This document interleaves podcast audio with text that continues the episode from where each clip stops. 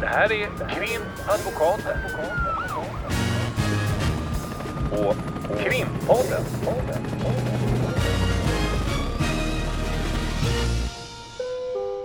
Parter och ombud kallas till sal 32. Hej Lotta! Hej Ulrika. Eh, jag tänkte fråga dig, i helgen så hörde jag att du hade jour. Ja, Vad är det för något?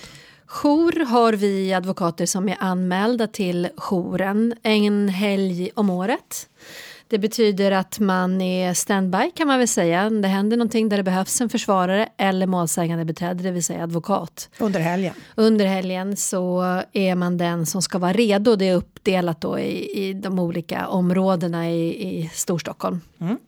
Eh, så sån var jag. Det ibland, eller jag vet inte, de senaste åren tror jag aldrig att det har varit att det inte händer någonting. Det händer alltid någonting. Och så att man får åka ganska mycket. Det är lite förhör eller så är det någon häktning man hoppar in. Om en kollega till exempel har egentligen en häktning i, i sitt mål så är det jouren som kan ta det om, om ordinarie advokat också inte kan jobba på helgen och så. Så att, ja, jag, jag tycker det är kul med jouren kan jag säga. Dels så tycker jag det är lite roligt det här att man eh, vet aldrig riktigt hur det kommer se ut. Så är det ju annars också kanske, men på ett annat sätt. Här kan det ju liksom dyka upp mitt på dagen plötsligt någonting, bara att man ska hoppa in och, och, och göra något. Och framför allt tycker jag att vara helt jobbande på helgen, det är en annan stämning än vad det är när alla jobbar i veckorna. Det är någon sorts helgstämning trots att man jobbar. Ja, men när man kommer till eh, polisstationen, man märker liksom att det är helg på något Det sätt. är lite lätt, mer lättjobbat. Det är, det är, Det är lättjobbat. Fast man kan också säga att det är lite svårjobbat därför att eh, det, det är lite svårt att få tag på folk. Och, och eh, jag vet ibland när man behöver tolkar så vi har ju en, en eminent administration på byrån här som sköter allt det här med, med bokningar och så. Och då eh, så behöver man få tag på en tolk så har man ingen aning om vad vi har för för, för nummer eller någonting sånt Nej, där. men så alltså, telefonnummer den kan man ju hitta men sen har vi någon sorts bokningsnummer som man inte har koll på. Men det brukar lösa sig. Mm. Och sen som du säger så får man kanske rycka in för någon annan eh, som inte har möjlighet att, att eh, biträda vid häktningen. Och det tycker jag också är, är väldigt skönt. För har man inte möjlighet själv så vet man att det finns en jouradvokat som också kan sköta det. Mm, mm. Så att det, det finns ju mycket att göra när det är helg. Ja, men oftast är det ju ganska mycket, eller hur? Det är väl din ärenden. erfarenhet också. Mm. Jag vet i, i början när jag började jobba hade de första jourerna, ibland kunde det vara en helg där det kanske dök upp ett ärende, mm. beroende på kanske vilket område man, man hade jouren i också. Men nu tycker jag nog, de, alltså som jag sa de senaste åren, det kan vara ganska mycket. Alltså det, man jobbar och jobbar ganska sent. Mm. Därför att eh, ja, men det är just så med jourverksamhet. Det kan ju vara att man sitter ganska sent i förhör och sen är det något annat man ska få in. Liksom. Så att, nej, jag, jag tycker det är kul. Men Så det kanske är bra att det är en helg om året. Ja, Annars kanske man skulle vara lite lite trött. genomsnitt så är det lite olika på olika områden hur ofta det är, men det är ganska Mm. sällan man har det. Och det är ju jätteskönt att alla som eh, jobbar och har anmält sig till den här verksamheten, eh, alltså försvararuppdragen, är, eh, hjälper varandra också. Mm. Genom att om man tyvärr har förhinder att vara med på en häktning på en helg när det, när det blir aktuellt, att man vet att någon annan kan hjälpa en. Mm, mm. Ja, men det, så det är roligt. Och annars så står vi ju, om man ska säga, på tröskeln till påsken. Mm. Och när det här sänds så är det påskafton. Just det. Kommer du vara ledig i påsk? Eh, ja, ja, det kommer jag så som det ser ut nu. Jag har en eh, del material som jag har fått för att läsa och det är väldigt eh, förnämligt för det är ganska sällan som... Nu ringer det någon här också. Jag får svara. Det är ganska sällan man, eh, när man har häktade mål som man faktiskt får eh, material innan förundersökningen är klar. Men det har jag fått i ett ärende så att jag ska sätta mig och läsa det. Och det kan man göra lite lugn och ro då. Mm. Så att det eh, blir fint väder, då kan man sitta på trappen och läsa kanske. Mm. Och resten av tiden så får man väl eh, idka sin parallella verksamhet, det vill säga att vara påskkärring och flyga till Blåkulla. Mm, jag tänkte det. Mm. Vi får väl ses där. Ja. Eh, ja, du, eh, vad vi hade tänkt att prata lite om idag, det var ju att vi båda har faktiskt eh, hittat en rapport. Mm. Intressant på flera ja, sätt. verkligen. Mm. Det är en forskningsrapport eh, ifrån Linköpings universitet. Som publicerades i slutet på december förra året, så den är inte många månader gammal, december 2021. Och titeln på rapporten är Hur skyddar och stärker Polismyndigheten föreställningen om sin effektivitet? Eh, och det är en person som heter Stefan Holgersson och en person som heter Johanna Westman som har skrivit den här rapporten. Båda Och- poliser i botten, va? Båda poliser i botten och eh, Stefan Holgersson är docent i informatik vid Linköpings universitet och han är också professor i polisvetenskap vid Polishögskolan i Oslo. Eh, Johanna Westman är polis och har också en masterexamen i kriminologi och en magisterexamen i religionsvetenskap. Och vad som är intressant med den här rapporten det är att den är en del i ett forskningsprojekt som bedrivs vid Linköpings universitet där projektet har eh, två delar. Dels har de en med rubriken Det myndigheter vill dölja. Och sen har de en annan del av forskningsprojektet som heter Polisarbete i socioekonomiskt utsatta områden i Sverige. Så eh, huvudmannen för projektet eller för forskningen är då som sagt Linköpings universitet och det vi då har läst är en rapport från detta projekt av dessa personer vi nu har namngivit. Och innan vi går in på det kan man ju säga så här att både du och jag har ju eh, ganska länge nu pratat mycket om men vad är anledningen till det här då med eh, de här skjutningarna som alla pratar om och gäng eh, kriminaliteten och så vidare. Och det här, vi har ju varit inne på det i tidigare avsnitt också. Vad, vad kan hjälpa? Finns det någon hjälp? Hur ska man angripa problematiken och så vidare? Och i de diskussionerna som du och jag har haft också utanför den här podden kan man ju säga. eh, så, så har vi läst en hel del rapporter som vi letar bland forskning. Eh, inte bara Brå utan även andra typer av rapporter. Och för att få den här för det vi väl är överens om kan man väl säga så inledningsvis är att det är ju en ganska komplex fråga. Ja, och problemet är ju eh, att eh, det har vi ju pratat om tidigare. Eh, Det tål att upprepas. Det tål att upprepas och vi har en valrörelse här som skruvar upp kraven eh, rakt igenom i stort sett alla parlamentariska partier. Kraven på högre straff, eh, hårdare tag, mera poliser. Eh, kastar man in folk i fängelse under lång tid så slipper vi brottslighet på gatorna och ser vi till då att vi höjer straffen på många brott så, så eh, kommer brottsligheten och då skjutningar att minska. Och sen finns det ju en liten bit i det här där det väl också är så att de flesta partier säger som är en liten bisats. Ja, men sen måste man ju också satsa eh, långsiktigt. Och eh, eh, har än idag inte riktigt hört eller läst eller kunnat se eh, hur de satsningarna rent konkret presenteras. De, det är lite svagt på den fronten om man säger så.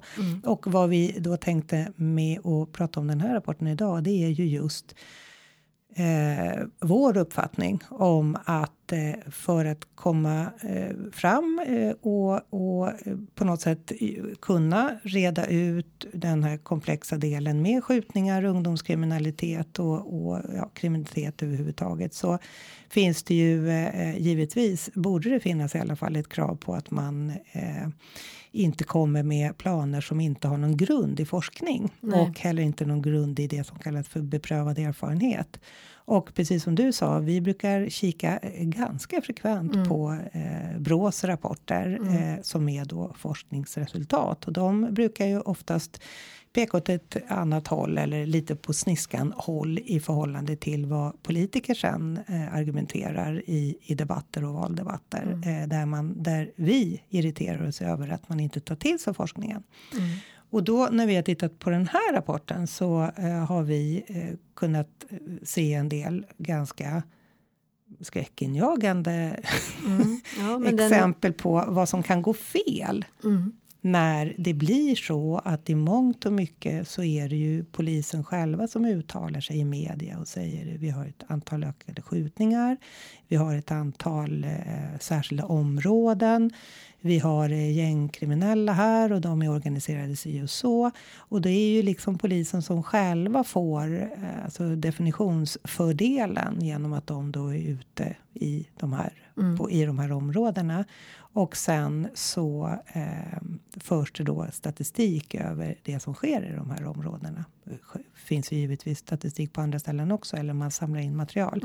Men då finns det en del felaktigheter. Mm. Man, man kan ju säga så här att de här två då som ligger bakom just den här rapporten, deras syfte med den här rapporten i det här projektet då, om man säger dels är det, och det kanske inte är, helt förvånande, att de eh, vill se om man kan se något förbättringspotential inom Polismyndigheten och, och hur man utifrån det perspektivet, finns det något eh, sätt att komma till rätta med den problematik som är inom kriminaliteten.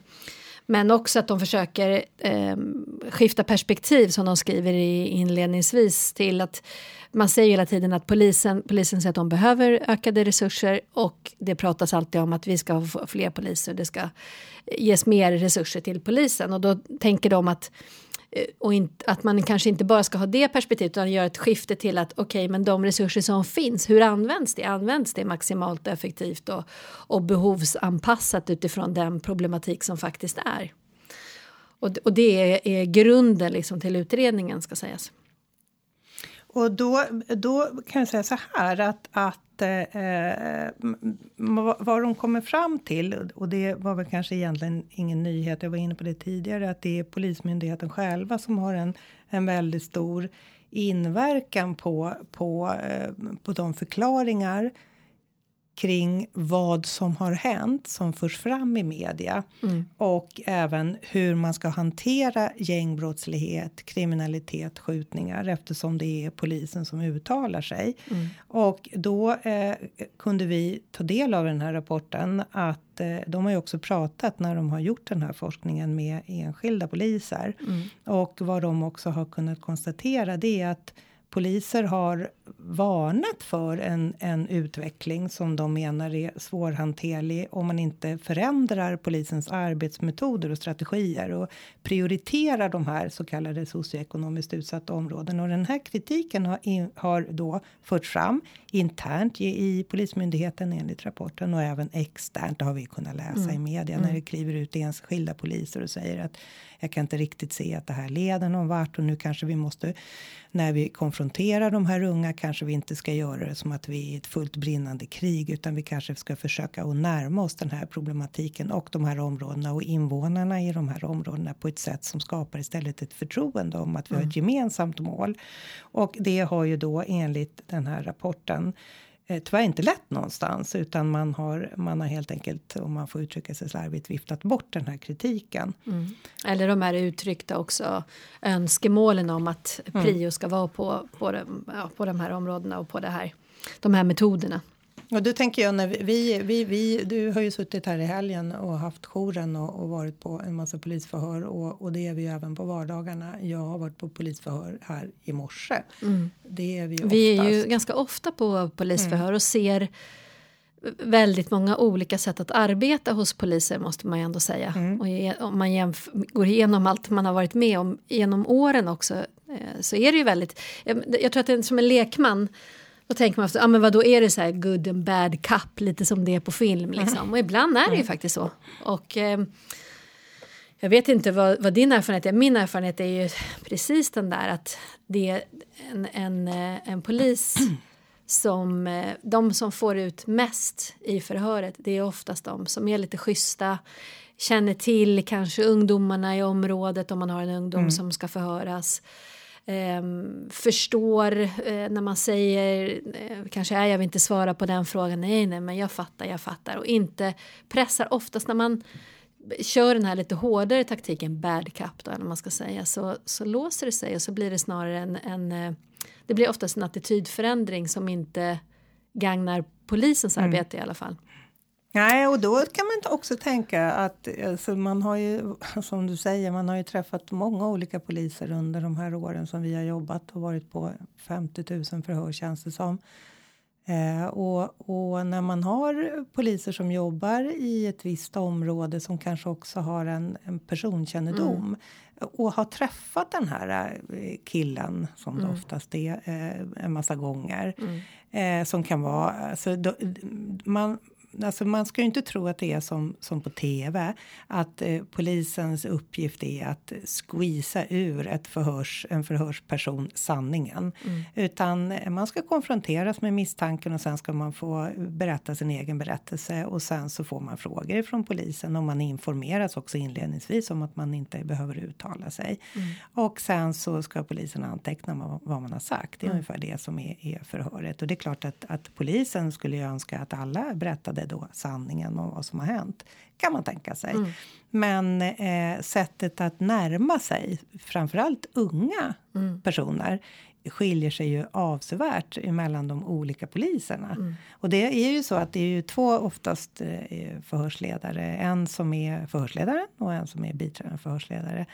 Och då kan man ju också märka, det behöver inte vara uh, good cup, bad cup, men man kan märka liksom ett spel mellan dem. Mm. Eh, men är det två ganska rediga poliser, schyssta och trevliga, liksom. ja, väldigt ja. Ja, rutinerade, van, vana med det här och, mm. och, och, har lite personkännedom och kan hantera en ung person som är ganska spattig och mår dåligt och har blivit frihetsberövad oavsett vad. Och kan vara otrevlig och, och ja, allt, sitta och nysa också i all oändlighet. Mm. Det finns ju alla olika personer. Absolut. Men kan man närma sig dem och det blir en bra stämning, då är det inte alls säkert att det betyder att att polisen får ut någon mer sanning. Men, men det gynnar ju saken mm. någonstans. Alla vill ju ha en god arbetsmiljö och den personen som är frihetsberövad vill eh, att det ska kunna fungera kring förhöret och man får möjlighet att säga det man vill säga. Och vill man inte säga något mer än det så är det det som är okej. Ja. Så det gör ju att det ibland skiftar stämning beroende på vilken polis som håller förhöret. Verkligen. Och just det här att polisen ska ju ändå vara objektiv i, i förhören. Ehm, och en, en rutinerad polis är oftast mån om att det lyser igenom. Liksom. Nej, mm. nej, men berätta du. Och, och sen, ja, men nu att det kan komma så här, vi har ju lite övervakningsfilmer här oftast och konfronterar. Ja, det är oftast i slutet. Men att det, det, är, det är ganska intressant just för vi sitter ju oftast bredvid. Vi ska ju naturligtvis bevaka vår klients rättighet om det skulle vara vilseledande frågor eller att det blir mm. oklart och så vidare. Men det är ju jag ska inte säga att det är ofta, men i alla fall inte sällan om det nu är någon skillnad på, på de begreppen. Så tycker jag att man ibland får säga, men det är väl ingen anledning att vi ska ha en otrevlig stämning det, när, när polisen blir konfrontativ. Liksom. Det, och då, då blir det ju naturligt, det, jag menar, det är som alla alla typer av, av mänsklig interaktion. Mm. Det är som att sitta och fika med någon. Börjar man liksom eh, tuppa upp sig där så, så Då blir det, det ju samma på andra sidan. Mm. Liksom. Och, men just de här lite mer tålmodiga som lyssnar in och säger nej, nej, men det är din rättighet. Du behöver inte svara. Nej, men självklart. Men jag, jag kommer ändå ställa mina frågor. Du vet, det är ju, jag mm. måste ändå ställa. Det, det, det är så snabbt tycker jag att det blir en helt annan stämning. Och det är väl det som också framförs av de poliserna de har intervjuat i den här eh, rapporten just att, mm. att eh, har man en kännedom om området, har man en kännedom om aktörerna inom området så kanske man dels kan bidra till att, att inte måla upp en, en skräckbild mm. eh, men också kunna komma med den vetskapen om personen och den personkännedom man har lite närmare personen som mm. man eh, håller förhör med. Mm. Vilket eh, skulle kunna leda till eh, ja, bättre förhör och, och, bättre framgång för polisen. Mm. Det är ju så de själva beskriver det. Mm. Men det, ja, vadå det? Ja, det, och, och, så eh, som jag förstår den här rapporten så är det ju tyvärr inte så. Nej, men jag, jag kan också tycka så här som jag tror är viktigt nu om vi bara ska prata utifrån vår erfarenhet och vi, och vi pratar ju mycket med de här killarna, precis som du säger, det är oftast killar som är i såna här områden och som har sin relation till polisen och det, det är farliga och det, det kanske är naturligt, men just det här vi och dem mm. och det här polisföraktet. Jag tror också kanske att där, redan om man är lite mer respektfull, då får man tillbaka förhoppningsvis respekt och att det kanske har också i, i det här som de säger i de här områdena att man liksom får någon sorts relation. Och vissa är bättre på det och vissa är sämre på det. Som i alla yrkesgrupper givetvis. Men det är ju tydligt, precis som du säger, när det kommer in. Man har en kille på arresten till exempel i, som precis har kommit in eller någonting och så kommer det någon sån här polis som de känner igen. Så är det ju tydligt när det är någon som man kanske inte är vi och dem är på samma sätt. Utan det är så ja ah, men vadå, vi känner ju Mm, varandra mm. liksom. När det är någon som, ja, men, som kanske har varit schysst om man säger utifrån omständigheterna. Men som jag förstår så har ju då eh, den kritiken som har framförts mm, för, från eh, poliserna då Mm. som, som har figurerat i den här rapporten är ju att det är eh, ja, givetvis då en hel del byråkrati och en hel del omstruktureringar och i, inom Polismyndigheten. Och det här är ju ingen nyhet. Det här kan man ju läsa om i synnerhet bara för några år sedan när det var den här jättestora eh, om, omstruktureringen av, av polisen. Eh, och, att det, och det hör, man ju, hör ju vi Mm. också när vi pratar med poliser så där mellan skål och vägg och Mm. inte kanske sitter i en försituation. Att det, det är ganska mycket synpunkter på på eh, att man lägger så pass mycket kraft på strukturer istället för på det polisiära golvarbetet. Mm. Och att det då har lett till, vilket framförs i den här rapporten, att, att eh, man kanske inte satsar just på de här lite mer personnära kontakterna. Nej. Nej, och sen så, så drar man ju också upp det här att, eh, att man har minskat på den personal som är specialutbildad i vissa områden, till exempel eh, inom narkotikabrott, där det kanske är bra att man känner till hur går oftast försäljningar till, eh, vad kallas det på gatan, du vet allt sånt här som, som man ju lär sig med tid. Och som det finns vissa poliser som är sjukt duktiga på att känna till alla och hur det funkar, hur ser det ut i en situation, vad är det för tecken och så vidare och så vidare. Och att det har framförts kritik internt och externt ifrån andra poliser att det, det blir inget bra det här om vi minskar på den här specialkompetensen som behövs. Och vilket då verkar ha skett också i den här omorganisationen att man ja, har, har prioriterat på olika sätt. Jag tänker nu till exempel det här med passfrågan. Utan att, att veta mer. Vi såg ju någon artikel om det också. Att nu måste vi fler poliser för att lösa den här enorma väntetiden på passen. Och det måste ju tas någonstans ifrån. Så är det ju. Och, och sen så eh, tog de, vi har inte så himla mycket tid, men jag tänkte att eh, vad, vad vi reagerade på när vi läste den här utredningen, den är inte så himla lång, 150 sidor kanske, jag kommer inte riktigt ihåg, men den eh, läser man igenom på en kväll utan problem. Och vad vi reagerade på, det var ju bland annat hur eh, det var ganska tydligt från de här två forskarna när de har begärt ut handlingar för att kunna göra en analys och ett, eh, en statistikbearbetning av materialet. Så eh, kunde man notera eh, till exempel när, när polisen pratade om eller pratade om när polisen skulle definiera eh, antalet skjutningar. Vad är en skjutning? Det läser vi ju i tidningen. Nu har det skett, eh, från, som de säger nu, från januari. Det har inte blivit eh, eh, mindre skjutningar trots att det sitter väldigt många frihetsberövade nu efter Encrochat och det här som jag pratat om tidigare.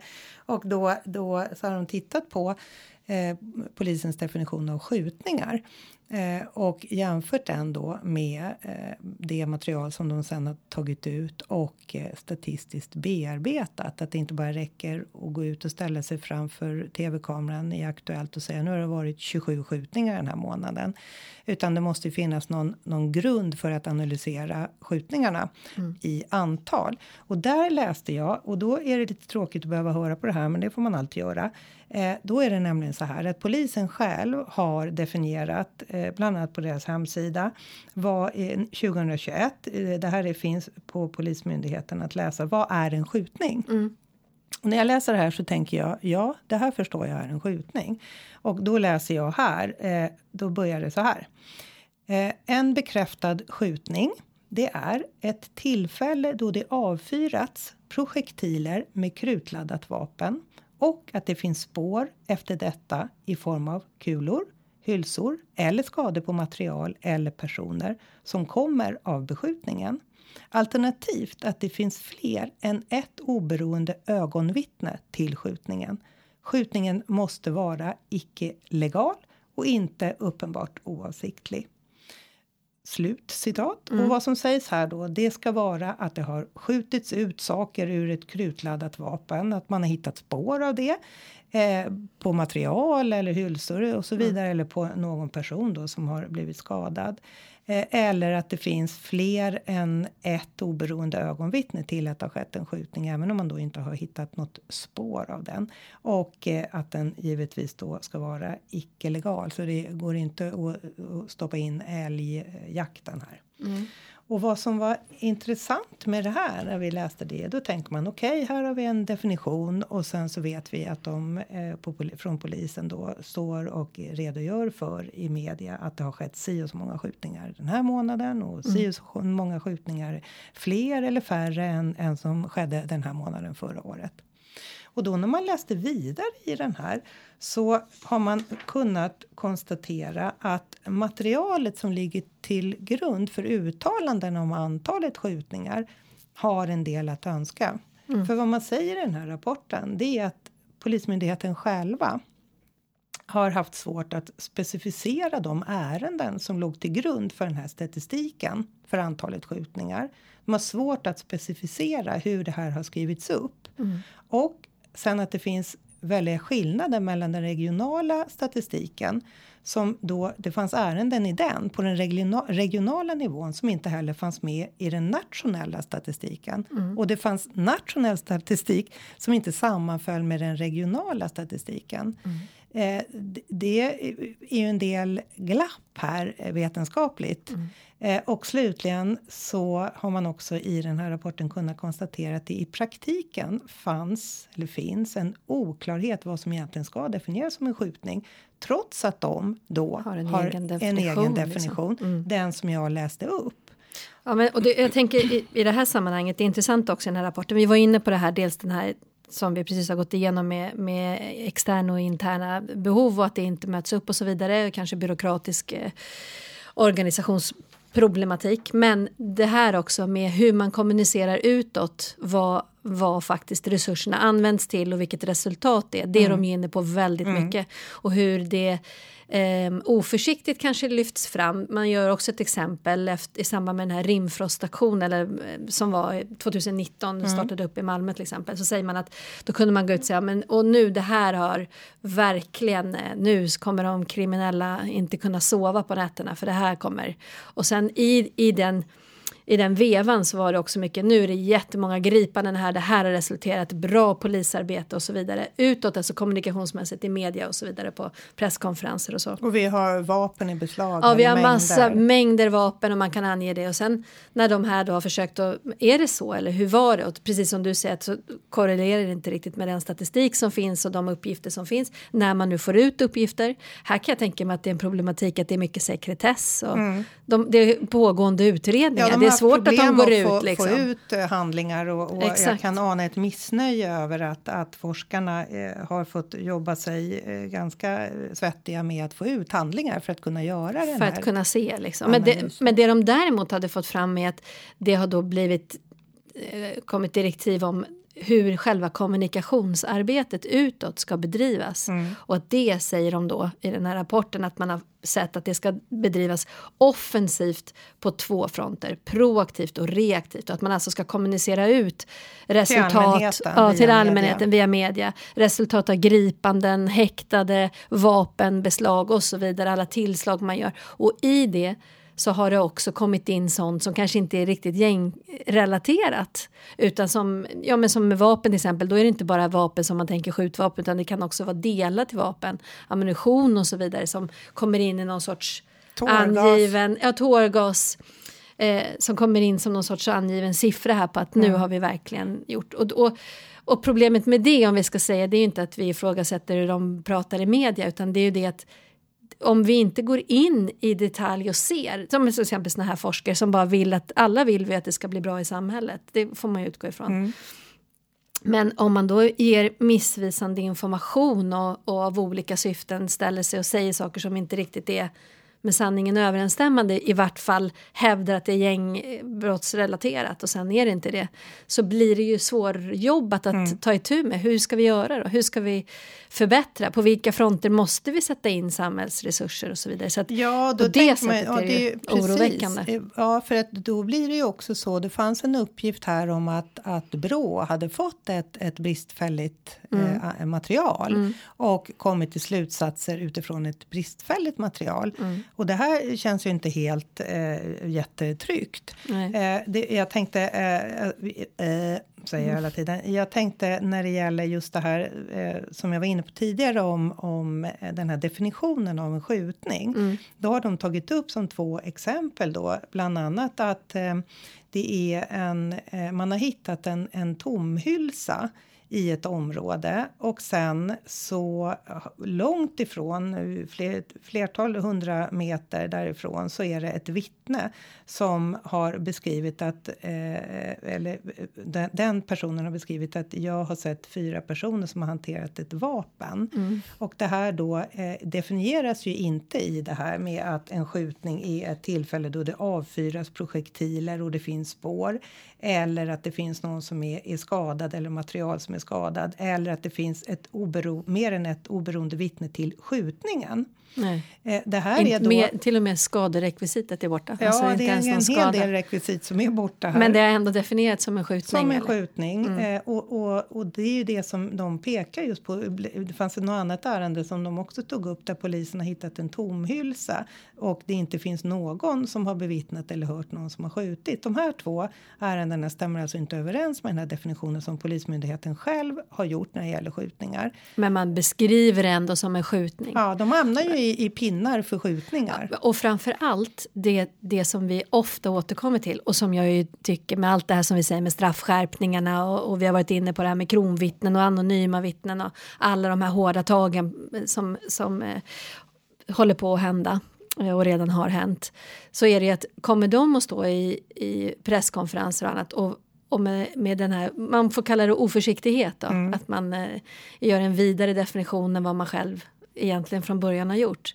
Eller så triggar ju det och det gör att, att människor i allmänhet blir rädda. Eh, alltså jag tycker att alla människor som pratar, nu när man pratar med människor utanför den här världen som egentligen inte är relaterade till, till eh, kriminalitet och, och brott så är det mycket men oj med alla gängbrotten mm. nu och hur är det och hur är det att jobba i det och så vidare. Det, det skapar en rädsla i samhället som är bubblande Ehm, och, jag tror att, och, och, då blir politikerna, då ska de svara mot det. Och där är ju den stora problematiken. Mm. Då har man då en, en, en myndighet som man kan säga, eh, som du säger, eh, vare sig om det är uppsåtligt eller av oaktsamhet eller, eller att det är, är, är rent oförstånd. Mm. Eh, att, att man presenterar en uppgift som helt enkelt eh, egentligen inte riktigt stämmer överens med vare sig sin egen definition, eh, då får man väl skriva om definitionen, mm. men att man inte egentligen har, så som jag förstår den här rapporten, behandlat sitt material på ett sätt som är forskningsinriktat och har stöd i, i, i forsknings, alltså det finns ju oerhört mycket regler kring hur forskning ska bedrivas. Mm. Mm. Och då finns ju risken att man hoppar över det ledet och så mm. ska vi lösa problemet med till exempel alla dessa skjutningar och eh, är det då så att det kanske inte alls har ökat eller det har ökat oroväckande. När man inte vet det, då blir det ju som du säger, då blir det ju rädslan som blir drivande och då blir kraven mot politikerna som de bejakar mm. eh, att man ska eh, fortsätta att höja straffen och spärra in människor eh, under lång tid. Och det här som man då som vi sa inledningsvis. Eh, ja, det är klart att man också ska sätta in resurser tidigt. När inte den, eh, den delen är så särdeles utvecklad så, så är ju risken att man fattar en massa ganska omvälvande mm. politiska beslut där vi nästan redan är idag som får oerhörda konsekvenser som inte är baserat på en gedigen utredning och en gedigen forskning. Mm. Eller som jag varit inne på i tidigare avsnitt med, med kronvittnessystemet att man fattar massa beslut om saker som kanske inte överhuvudtaget har någon, någon verkan utan att Nej. det bara blir att man, man viftar brett och sen så, så tycker man att det är klart med det och så gör man inte mer på, på de områden som kanske hade haft verkan. En, en verkan. Mm. Så att, eh, Angående verkans eld. verkans eld. Ja. Men vad bra, då tar vi och... Tips, eh, läs den rapporten. eh, precis. Den var ju ganska lång i titeln så vi behöver inte upprepa det. Nej, men, men spola tillbaka eh, man får spola tillbaka och så eh, eh, gör vi så att vi helt enkelt fattar våra kvastar och drar vidare till, till det Blåkulla. Mm. Och önskar alla en glad påsk. Glad påsk! Glad påsk. Krimpodden.